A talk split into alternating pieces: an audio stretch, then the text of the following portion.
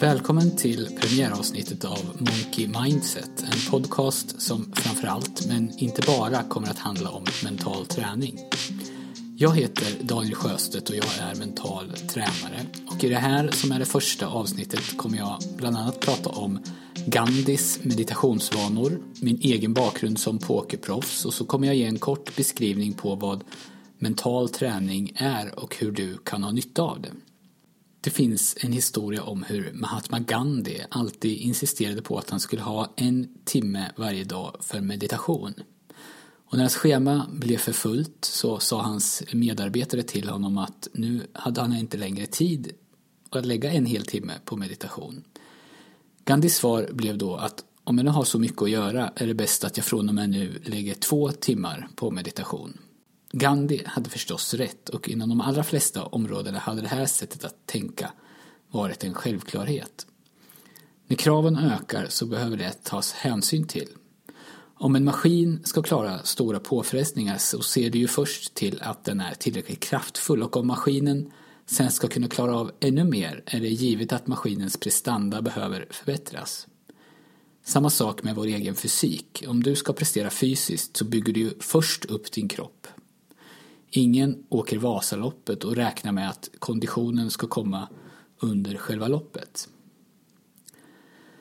Men när det gäller vår mentala styrka tänker vi ofta inte riktigt så. De flesta är nog överens om att de mentala påfrestningarna förändras.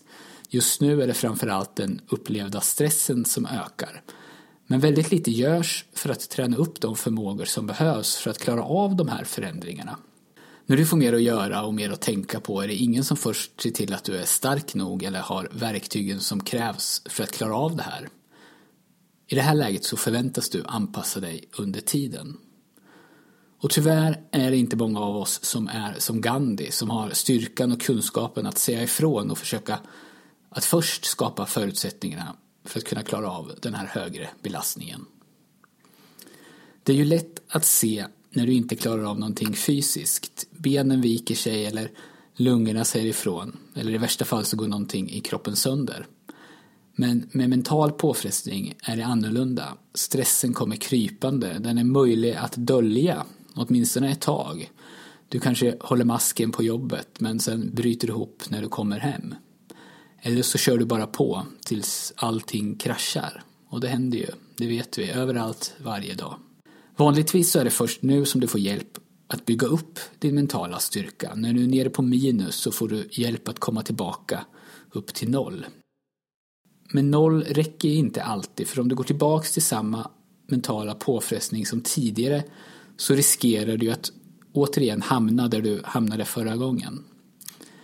Och inom mental träning så jobbar vi med att bygga upp styrkan innan du utsätts för påfrestningarna. Vi använder metoder och verktyg som gör så att du, eh, om vi ska fortsätta med den här liknelsen med en maskin, kan klara mer belastning men fortfarande fungerar lika bra eller till och med bättre.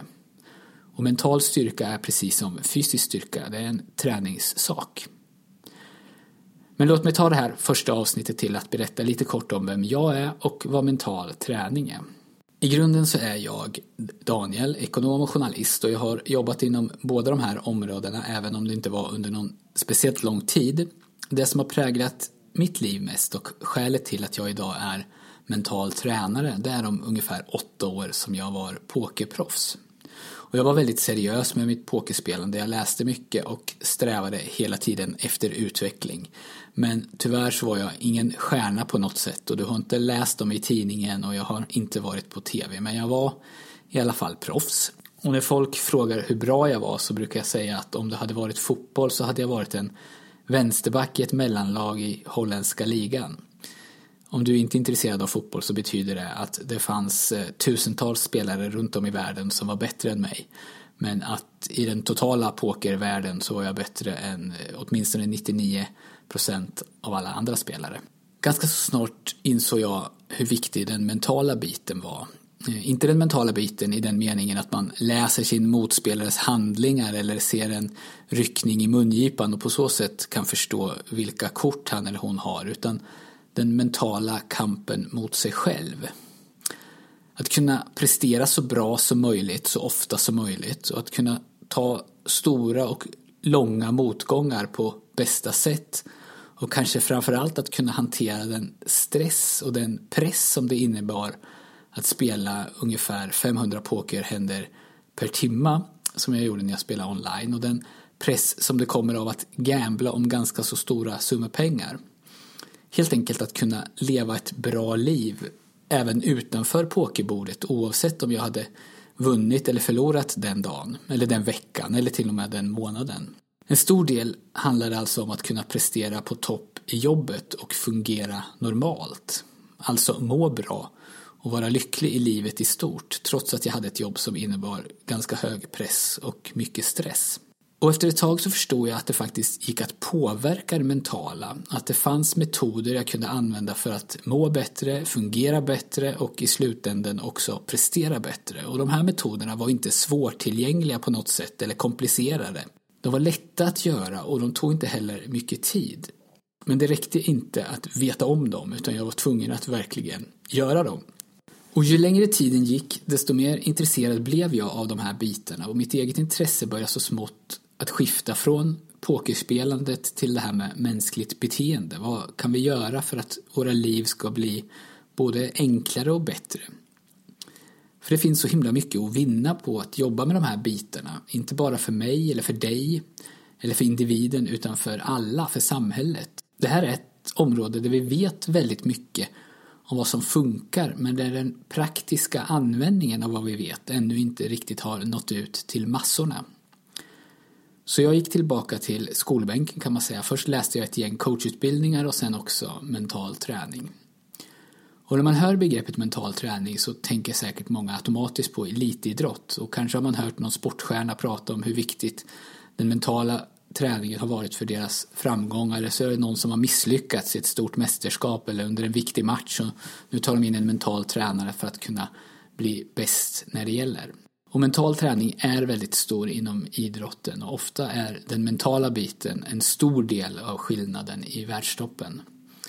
Men mental träning är faktiskt så mycket mer än att bara prestera som bäst när det gäller som mest. Det är någonting som alla kan ha nytta av och effekterna av mental träning genomsyrar hela livet. Det är någonting som man har med sig också i vardagen. Och om jag ska förklara så enkelt jag bara kan så handlar mental träning om att träna sig så att ens tankar och känslor och inre bilder som man jobbar väldigt mycket med jobbar för att hjälpa oss i livet istället för att skälpa oss. Att det som sker inom oss jobbar för oss. För många av oss är det ju ofta precis tvärtom, åtminstone när det bränner till. Våra tankar och våra känslor hindrar oss från att fungera så bra som möjligt. Och det här kan ju leda till olika grader av tråkigheter och frustration. En stor del av träningen handlar om att må bättre och då pratar jag om faktorer som stress och sömn, självkänsla och hur du ser på livet till exempel. För om du mår bättre så fungerar du bättre och när du fungerar bättre så ger du dig själv förutsättningarna som behövs. Kom ihåg det här med Gandhi. Att också prestera bättre. Och egentligen så är det här inget nytt. Det är inga revolutionerande saker som jag kommer att prata om utan jag tror att de flesta av oss egentligen vet om de här sakerna. Men skillnaden på att till exempel läsa en bok eller lyssna på en föreläsning är att inom den mentala träningen så nöjer vi oss inte riktigt med att veta vad vi borde göra eller hur vi borde göra det utan vi tränar på det. Vi tränar på precis samma sätt som en löpare tränar löpning, alltså man avsätter tid där vi fokuserar på att bli bättre och det krävs inte så mycket tid men om, man, om du skulle lägga en kvart om dagen på det här så kommer du ganska snabbt att märka en positiv skillnad vad gäller din upplevda livskvalitet. Och ofta så gör vi den här träningen med hjälp av ljudband. Och Lars-Erik Unestål är den mentala träningens gudfader och han har släppt många sådana här ljudband. De är jättebra och det är lätt att googla fram var du kan köpa dem. Det finns andra som också har gjort sådana här band och jag har till och med gjort det och om du går in på min hemsida Monkey Mindset och fyller i din e-postadress så ger jag dig det du behöver för att komma igång. Både ljudband och instruktioner och det kostar ingenting. Så om du vill kan du börja med det här redan idag. Ge det en vecka och se vad som händer. Och Det första du kommer jobba med då är avslappning. Att lära dig att slappna av riktigt ordentligt. Det är grunden i mental träning och i nästa avsnitt kommer jag att prata mer om varför det är så viktigt. Tack för att du har lyssnat och på återhörande.